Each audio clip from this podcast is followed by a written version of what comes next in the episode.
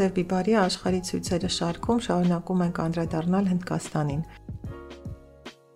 2019-20 թվականների այս ձմեռը, չնայած եղանակային առումով 100 տարվա ընթացքում ամենացուրտ ձմեռն էր, սակայն քաղաքական առումով կարելի ասել ամենաթեժն էր վերջին մի քանի տասնամյակների ընթացքում։ Անցյալ էպիզոդում արդեն խոսեցինք այն խոշորագույն համընդհանուր գործադուլի մասին, որին մասնակցեցին 250 միլիոն մարդ երկրի տարբեր քաղաքներում եւ գյուղերում եւ փաստորեն տնտեսությունը 1-2 օր նույնիսկ կանգնած էր Հնդկաստանով մեկ ու խոսեցինք նաեւ տնտեսական ազատականացման քաղաքականությունների մասին, որոնք որ 91 թվականից ի վեր տարվում են Հնդկաստանում եւ որոնց արդյունքում պետական գույքի մի ահռելի մասն է մասնավորեցվել, որի արդյունքում շարունակում են կրճատվել աշխատողների իրավունքները, շարունակում են իջնել հարուստների հարկերը եւ շարունակում է խորանալ գործազրկությունն ու մեծանալ անհավասարությունը հարուստների ու աղքատների միջեւ։ Նման տնտեսական փոփոխությունները իհարկե մեծ դժգոհություն եւ քննադատություն են առաջացնում բնակչության շրջանում եւ ինչպես որ մենք տեսնում ենք աշխարհի տարբեր երկրներում տնտեսական ճգնաժամային պահերին ոչ թե իշխանության եկող կուսակցությունները կամ քաղաքական ուժերը փորձում են սոցիալական արդարություն հաստատել, այլ ավելի են ուժեղանում ռեակցիոն ազգայնական ուժերը, որոնք ել ավելի են փորձում մասնատել հասարակությունը եւ դրա շնորհիվ պահել իրենց իշխանությունը։ Հնդկաստանում տեղի ունեցավ նույնը, երբ 2014 թվականին իշխանության եկավ BJP, Bharatiya Janata Party, Հնդկաստանի ժողովրդական կուսակցությունը, այս կուսակցությունը հայտնի էր որպես հինդու ազգայնական կուսակցություն եւ նաեւ շատ սերտ կապերի մեջ էր մեկ այլ ազգայնական կազմակերպության հետ, RSS է կոչվում Rashtriya Swaramsevak Sangh, Այս կազմակերպությունն էլ 1925-ին հիմնադրված կազմակերպություն է, պարամիլիտար, կամավորական կազմակերպություն, որը որ հինդու ազգայնական գաղափարները տարածելու շատ ագրեսիվ քաղաքականություններ է որդեգրել իր ստեղծման օրից ի վեր։ 3 անգամ նրանց գործունեությունը նաև արգելվել է Հնդկաստանի տարածքում եւ դրանցից մեկը եղել է 47-ին, երբ որ բարձվեց, որ Մահատմա Գանդիին սպանողը այս կազմակերպության անդամ էր կամ նախկին անդամ։ Հնդկաստանի վարչապետ Նարենդրա Մոդին դեռևս պատանի տարիքից եղել է այս կազմակերպության անդամ եւ աստիճանակարգով բարձրանալով 2001 թվականին դարձել էր RSS-ի գլխավոր քարտուղար։ Չնայած BJP կուսակցությունը իշխանության եկավ ամբողջ Հնդկաստանի տարածքում 2014 թվականին, սակայն իրականում երկրի տարբեր մասերում նահանգային մակարդակում այս ազգայնական ուժերը եւ ռեակցիոն ուժերը կարողանում էին ժողովրդի համակրանքը շահել, մասնավորապես հինդու կրոնական մեծամասնության համակրանքը եւ իշխանություն դառնալ նահանգային մակարդակում եւ այդպիսով մոդին 2001 թվականին դարձել էր Գուջրատ նահանգի գլխավոր նախարար, մոտավորապես նույնն է ինչ նահանգապետը, եւ այդ պաշտոնում պաշտոնավարել էր մինչև 2014 թվականը ու հենց այդ ընթացքում է նաեւ որ տեղի ունենում նրա քաղաքական կյանքի ամենա վատ ամենակեղտոտ իրադարձություններից մեկը եւ նա մեղադրվում է Գուջրաթի պոգրոմների կազմակերպման համար։ Ինչ էին Գուջրաթի պոգրոմները 2002 թվականին հինդու ուխտագնացների գնացքը, երբ կանգնում է ինչ-որ ժամանակով Գուջրատ նահանգի կայարաններից մեկում, այնտեղ վիճաբանություն է բռնկվում, ծեծկրտուք է սկսվում կառամատություն եղած մարդկանց հետ, հետո նաև գնացքը հրդեհ է ընկնում, որը տարածվում է մի քանի վագոններով եւ հարյուրավոր մարդիկ են զոհվում։ Հենց նույն օրը նահանգային իշխանությունները հայտարարություններ են անում, որ սա կազմակերպված էր ահաբեկչական գործողություն էր մահմեդականների կողմից եւ ավելի են բռնկում կրոնական ատելությունը, ինչպես նաև բռնության եւ ատելության խոսքեր են անում, կոչեր են հնչեցնում։ Դրանից հետո նույն օրը արդեն հինդու ազգայնական խմբավորումները եւ ամբողջները սարսափելի ջարդեր են սկսում մահմեդականների նկատմամբ։ Երկու օրվա ընթացքում տեղի են ունենում ահավոր իրադարձություններ ու ջարդեր, այդ թվում ասենք երեխաներին բենզին խմացնել եւ այրել, հղիների փորերը կտրել եւ երեխաներին հանել, սպանել երկուսին, ընտանիքներին մերկացնել, ստիպել փողոցներով քայլել, հետո սպանել եւ այրել։ Մի խոսքով այսպիսի սարսափելի բաներ, որոնք որ որևէ ձևով չեն կանխվում ոստիկանության կամ նահանգային իշխանությունների կողմից։ Երկու օր շարունակ նահանգային իշխանությունները որևէ ձևով չեն միջամտում այս սարսափելի իրադարձություններին, դրանից հետո ոստիկանությունը սկսում է աստիճանաբար հանդարտեցնել իրավիճակը, բայց արդեն պարզ է, որ տասնյակ հազարավոր մարդկային զոհեր են տեղի ունենում։ Այնուհետև լուրը տարածվում է բնականաբար երկրով մեկ եւ հիմա էլ սկսվում է հակառակ գործընթացը վրեժխնդրությունը մահմեդականների կողմից հինդուների նկատմամբ ու երկրի տարբեր մասերում հիմա էլ հազարավոր հինդուներ են սպանվում իհարկե այս դեպքում ոստիկանությունը միջամտում է եւ այս աստիճանի դաժանություններ ու վայրագություններ հնարավոր չի լինում իրականացնել, բայց այնուամենայնիվ այս մի քանի օրերի իրադարձությունները չափազանց արունալի եւ չափազանց ծանր հետք են թողնում ու մասնավորապես մոդին եւ այդ ժամանակվա նահանգային իշխանությունները Գուջրաթում մեղադրվում էին ոչ միայն անգործության համար եւ այս ջարդերը չկանխելու համար, այլև վարկածներ կային, որ դրանք հենց կազմակերպվել կամ հրահրվել են BJP կուսակցության եւ մոդի նահանգային իշխանությունների կողմից։ Չնայած հիմնավոր կասկածներ գոյություն ունեին, այնուամենայնիվ Հնդկաստանի դատարանները պետք է հասկանալ, որ անկախ մարմիններ չեն եւ այս գործը կոծկվում է ու երբ երբևէ ոչ մոդին, ոչ մյուս պաշտոնյաները պատասխանատվության չեն ենթարկվում ահա այսպիսի անձնավորության հետ մենք գործ ունենք Հնդկաստանի վարչապետի պաշտոնում։ Իդեպ նա վերընտրվեց նաև 2019-ի ապրիլ-մայիսին տեղի ունեցած ընտրություններում Եվ հիշում ենք, որ մի քանի ամիս առաջ, երբ հանդիպում էր տեղի ունեցել Նիկոլ Փաշինյանի եւ Մոդի միջև մեծ ողջևորություն կար սոցիալական ցանցերում կամ լրատվամիջոցներում, որը հանդիպել են սոցիալական ցանցերում ամենաշատ հետևորդներ ունեցող երկու ղեկավարները եւ այլն, մենք տեսնում ենք, որ մոդին բացարձակապես այն անձնավորությունը չէ, ում հետ որ մոտիկ հարաբերությունները կարող են պատիվ բերել որևէ մեկին իրոք բռնություններով եւ դաժանություններով լի քաղաքական կարիերա ունեցող անձնավորությունը։ Վերադառնանք քաղաքացիության վերաբերյալ ակտի փոփոխություններին։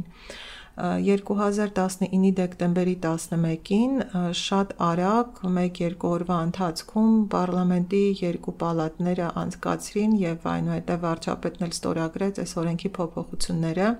որով որ հեշտացված կարգով քաղաքացիություն էր տրվելու 3 երկրներից՝ Բանգլադեշից, Պակիստանից եւ Աֆղանստանից ներգաղթյալներին, ովքեր որ Հնդկաստան են եկել մինչև 2014 թվականի դեկտեմբերի 31-ը եւ ովքեր պատկանում են 6 հետևյալ կրոններին՝ հինդու, ջեյն, սիկh, քրիստոնյա, փարսի կամ բուդդայական։ Առաջին ռեակցիան այս օրենքի նկատմամբ եղավ հետևյալը՝ սա ուղղված էր մահմեդականների դեմ։ Նման ռեակցիան պատահական չէր, քանի որ 2014-ին BJP-ի իշխանության գալուց հետո ավելացել էր մահմեդականների դեմ ռոպագանդան, ամբոխների ինքնադատաստանները, բռնությունները եւ խտրականությունը։ Կառավարությունը փորձեց բացատրել, թե ինչ իմաստ կար մահմեդականներին ներգրավելու այս օրենքի փոփոխություններում, միևնույն է Պակիստանը, Բանգլադեշն ու Աֆղանստանը իսլամական երկրներ են եւ այնտեղ մահմեդականները չեն կարող կրոնական հետապնդումների ենթարկվել եւ այնուամենայնիվ այս փոփոխությունները ավելի շատ հարցեր, քան պատասխաններ էին առաջացնում։ Օրենքի այս փոփոխությունների շահառուները մոտավորապես 30-ից 35 հազար քաղաքացիներ էին լինելու եւ այս թիվը Հնդկաստանի ներգաղթյալների ամբողջ ծավալի մեջ իրոք մի կաթիլ է, միլիոնավոր են ներգաղթյալները Հնդկաստանում։ Իդեպ նաև ասեմ, որ Հնդկաստանը չի միացել փախստականների մասին ՄԱԿ-ի կոնվենցիային, ուստի փախստականի կարգավիճակ ունեցող անձինք Հնդկաստանում ընդհանրապես չկան եւ ներգաղթյալների մեծ մասն էլ համարվում են անօրինական ներգաղթյալներ, քանի որ տարիներ շարունակ բնակվելով այստեղ չեն վերանորոգել իրենց փաստաթղթերը եւ հնարավորություն էլ չեն ունեցել շատերը շատ մեծ թիվ են կազմում մարդիկ, ովքեր որ ընդհանրապես փաստաթղթեր չունեն, ոչ իրենց ինքնությունը ապացուցելու եւ ոչ էլ իրենց նախկին քաղաքացիությունը կամ գրանցման վայրերը ապացուցելու համար։ Միլիոնավոր մարդիկ են այս պահին ապրում Հնդկաստանում, ճանենալով քաղաքացիություն եւ ներգաղթյալներ լինելով ամենատարբեր երկրներից հարցեր բարձրացվեցին այն մասին, թե ինչու է օրենքի փոփոխությունը վերաբերում հենց կոնկրետ այս 3 երկրներից եկած ներգաղթյալներին։ Հնդկաստանում կան ներգաղթյալներ տարածաշրջանի գրեթե բոլոր երկրներից խոշոր խմբեր են կազմում Տիբեթի բուդդայականները, որոնք որ 50-60-ականներին են դեռևս Չինաստանի ռեպրեսիաներից խուսափելու համար եկել Հնդկաստան եւ ապաստան գտել այստեղ ու մինչեւ հիմա նրանց քաղաքացիության հարցը լուծված չէ։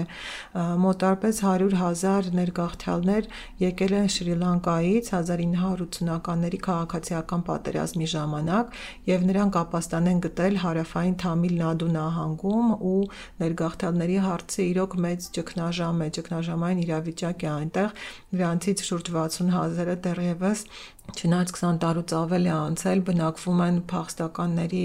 կամ ներգաղթյալների համար հատուկ այսպիսի տարածքներում, բարակներում շատ վատ կենցաղային պայմաններում, կան նաև բազմահազար փախստականներ Մյանմայից, որոնք եկել են 2002-ի քաղաքացիական պատերազմի շրջանում եւ մեծ մասամբ սրանք ռոհինյա մահմեդականներն էին, որոնք ցեղասպանվում էին Մյանմայի տարածքում։ Նաև կան հենց մահմեդականություն դավանող ներգաղթյալներ, որոնք նույն Աֆղանստանից, Պակիստանից կամ Բանգլադեշից են, որտեղ չնայած սրանք մահմեդական երկրներ են, այնուամենայնիվ ոչ բոլոր իսլամի ուղություններն են, որ ընդունելի են։ Օրինակ Ահմադիա մահմեդականները Պակիստանի տարածքում հերետիկոսներ են համարվում եւ հետապնդվում կամ հազարա մահմեդականները Աֆղանստանի տարածքում Թալիբանի կողմից են շատ խիստ հետապնդումների ենթարկվել, սպանվել եւ այլն։ Ու ընդհանրապես Հնդկաստանի բնակչության մի հսկա հատվածի համար փաստորեն անընդունելի էր, որ քաղաքացիությունը երկրում կարող էր սահմանվել կրոնի հիման վրա, որովհետև դա իրոք Հնդկաստանի սահմանադրության հիմնադիր սկզբունքներից էր, որ պետք է լիներ աշխարհիկ պետություն եւ հավասարություն բոլոր կրոնների կամ էթնիկ խմբերի միջև։ Օրենքի կիրառումը ապահովելու համար նաև Հնդկաստանի պարլամենտը բյուջե հատկացրեց երկու փաստաթղթերի կազման համար, դրանցից մեկը քաղաքացիների ազգային ռեգիստրներ, իսկ մյուսը բնակչության ազգային ռեգիստրը։ Բնակչության ազգային ռեգիստրը կազմելու համար որոշակի պաշտոնյաներ տնետուն պետք է գնային եւ բարձեին մարդկանց անուն-ազգանունները, բնակության հասցեները, այլ փաստաթղթեր եւ այլն, ու հետո փաստորեն նրանց կազմած այս ցուցակի հիման վրա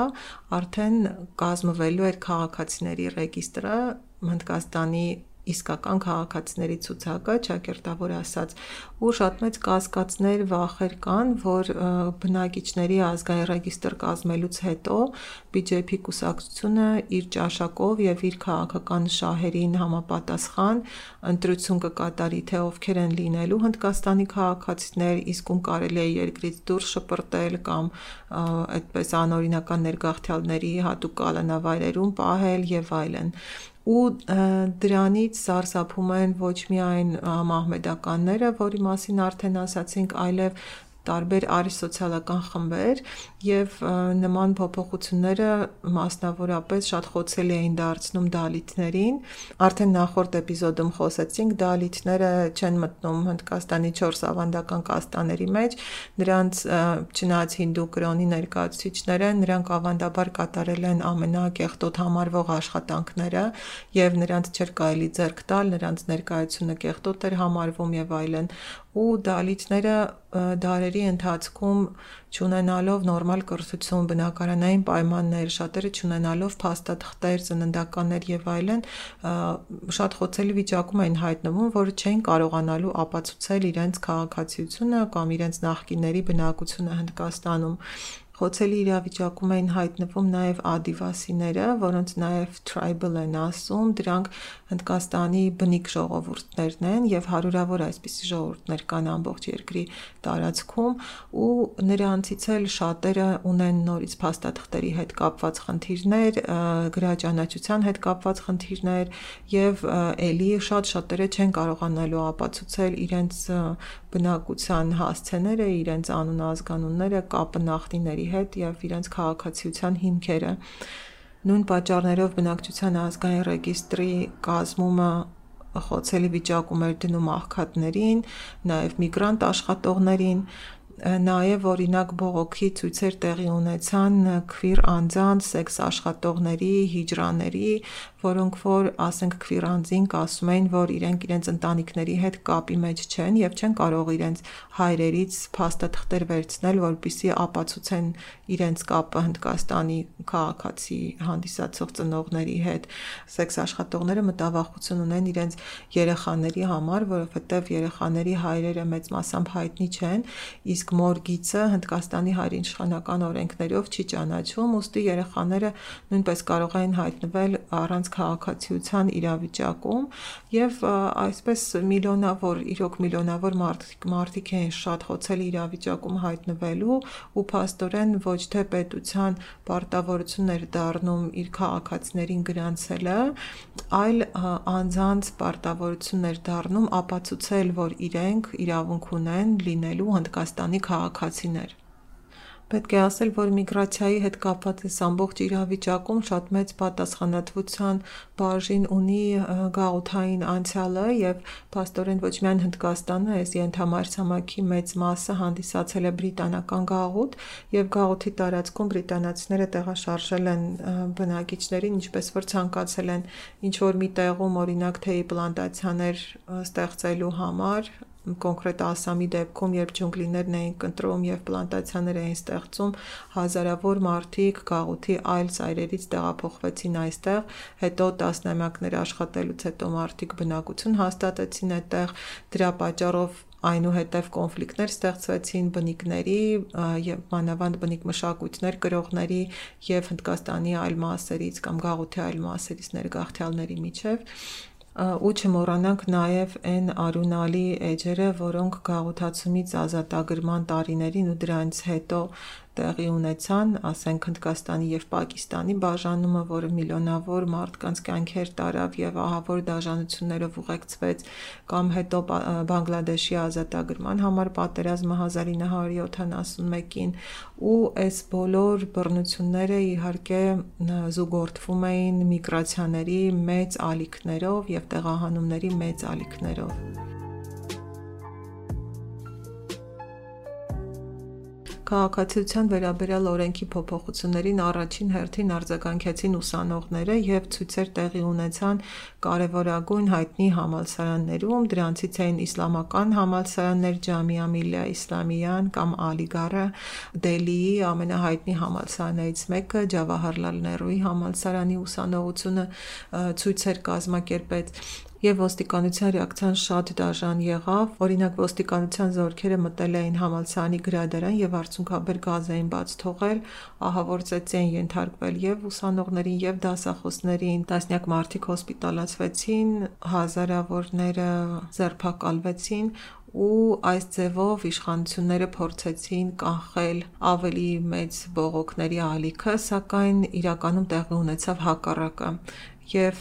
ուսանողների նկատմամբ նման դաժանություններից հետո երկրի բնակչության այլ շերտերը ոտքի կանգնեցին, ինչպես նաեւ ուսանողները որպես սոլիդարություն իրենց ընկերների հետ այլ քաղաքներում սկսեցին ցույցեր իրականացնել։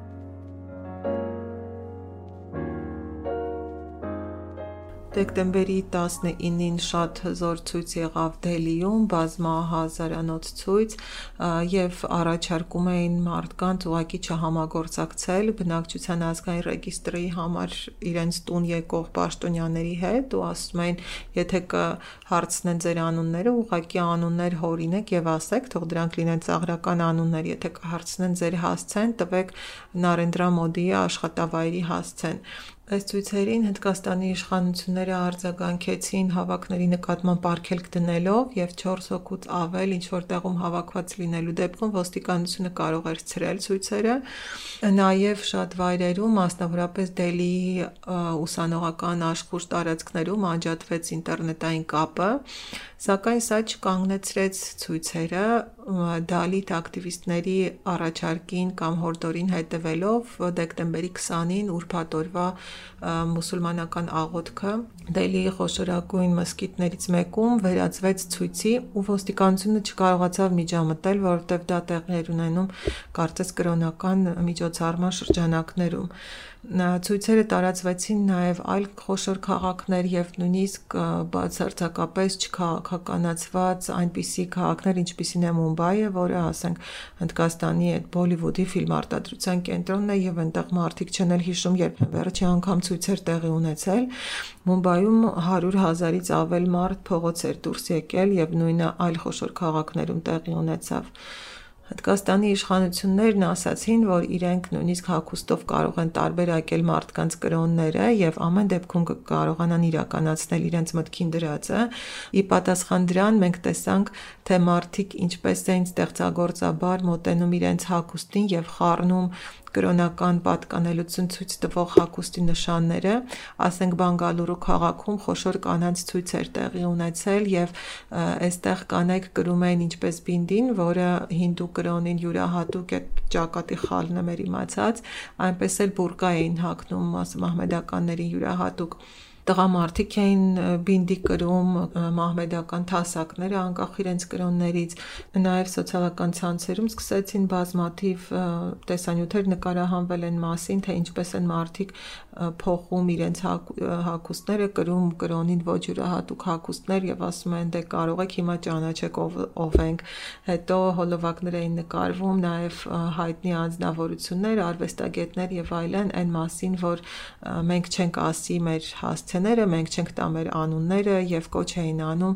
անհնազանդություն ցուցաբերել այս քաղաքացիների եւ բնակչության ազգային ռեգիստրին եւ դրանով իսկ քաղաքացիության վերաբերյալ ակտի փոփոխություններին։ Նաև 11 նահանգային կառավարություններ հայտարարեցին, որ նրանք չեն կատարելու այդ օրենքի փոփոխությունները, ինչին իհարկե կենտրոնական կառավարությունը արձագանքեց, որ նրանք նման իրավունք չունեն, սահմանադրությունը իրավունք չի վերապահում նահանգներին դա անելու համար իսկ քաղաքացիության ակտի փոփոխությունների դեմ ցույցերի օջախը եւ սիրտը այսօր գտնվում է Դելիում, Շահինբաղ թաղամասում, որը որ հիմնականում մահմեդականների կողմից է բնակեցված եղել եւ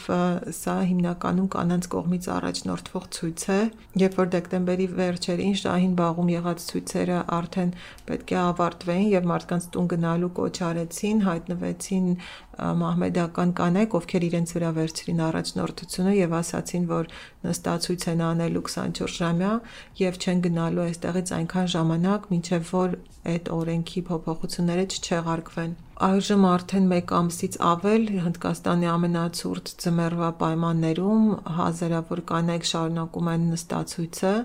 եւ ընդ որում որ միայն մուսուլմաններ չեն այստեղ եւ հինդուներ, տարբեր կրոնների ներկայացուցիչներ, տարբեր սոցիալական խավերից ու խմբերից մասնակցում են այս նստացույցին։ Ոստիկանությունը անշուշտ փորձեց ցրել նստացույցը եւ դիմել էր նաեւ Դելիի դատարան նման իրավունք ստանալու համար, սակայն որքան էլ զարմանալի է, հունվարին Դելիի դատարանը արգելեց ոստիկանությանը միջամտել եւ թույլ տվեց շարունակել նստացույցը։ Այժմ փաստորեն իրավական առումով, քանի որ օրենքը ընդունվել է խորհրդարանի երկու պալատների կողմից եւ հաստատվել է վարչապետի կողմից, այն բեկանելու միակ մարմինը մնում է Հնդկաստանի Գերագույն դատարանը եւ 100-ից ավելի պետիցիաներ են ներկայացվել տարբեր խմբերի կողմից եւ Գերագույն դատարանին եւ այլ մարմիններին,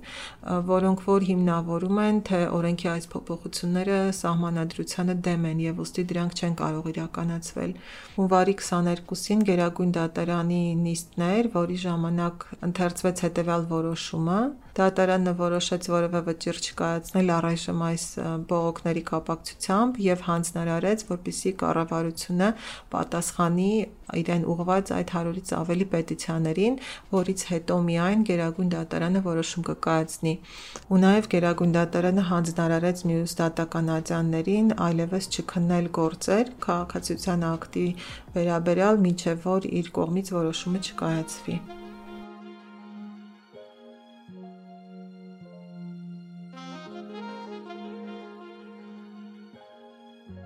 Չգիտենք թե դեռ ինչքան կշարունակվեն այս ցույցերը Հնդկաստանում, սակայն դրանք շատ մեծ կարևորություն ունեցան մի կողմից այն իմաստով, որ միավորիչ եղան Հնդկաստանի հասարակության տարբեր շերտերի համար։ Մենք տեսանք, որ այս ցույցերում կողք կողքի պայքարում էին ինչպես մահմեդականները, այնպես էլ հինդուները եւ տարբեր կրոնների ներկայացուցիչներ, նաեւ աթեիստ հնդիկները տեսանք նաև շատ կարևոր սոլիդարություն, ասենք մահմեդական կազմակերպությունների, դալիթների կազմակերպությունների միջև կարևոր ազատագրող փորձառություններ ունեցան նաև կանայք, որովհետև այս ընթացքում մենք տեսնում ենք բազմաթիվ ցույցեր, որոնք առաջնորդվում են կանանց կողմից եւ որտեղ հիմնականում կանայք են մասնակցում եւ առաջին հերթին դա վերաբերում է շահին բաղին ու այստեղ մասնակցում են տարբեր տարիքի կանայք, սկսած պատանիներից մինչև 90 անց կանայք, եւ նրանցից շատերը ասում են, որ իրենք ամբողջ կյանքում միշտ եղել են խոհանոցում եւ իրենք երբեք մասնակցություն չեն ունեցել հանրային կյանքին, բայց հիմա նրանք իրավիճակը գնահատում են այնքան վտանգավոր իրենց համար, իրենց ընտանիքների, իրենց մոտիկների համար եւ կամ էլ գաղափարական առումներով, որ իրենք չեն կարող այլևս տանը մնալ Հուսով եմ, որ ցուցարարները, ինչպես իրենք են ասում, չեն հոգնի պայքարելուց եւ կհասնեն հաջողության։ Նաեւ հուսով եմ, որ այս ցույցերը, այս բողոքի մեծ ալիքը կհանգեցնի շատ խոշոր եւ էական, ինչպես տնտեսական, այնպես էլ քաղաքական փոփոխությունների, իսկ նրանց համար, ովքեր որ կհետաքրքրվեն ինքնուրույն հետևելու իրադարձություններին, ասեմ, որ Հնդկաստանի բազմաթիվ լրատվամիջոցներ նաեւ անգլերեն լեզվով են հրապարակվում ու հետաքրքրված լինել լինելու դեպքում կարող եք գրել Սև Բիբարի էջին, մենք կարող ենք ուղարկել մի քանի կայքեր, որոնք որ բազմակողմանի կամ ցախական դիտանկյունից վերլուծում են իրադարձությունները։ Այսքանից տեսություն շարունակեք հետևել Սև Բիբարին։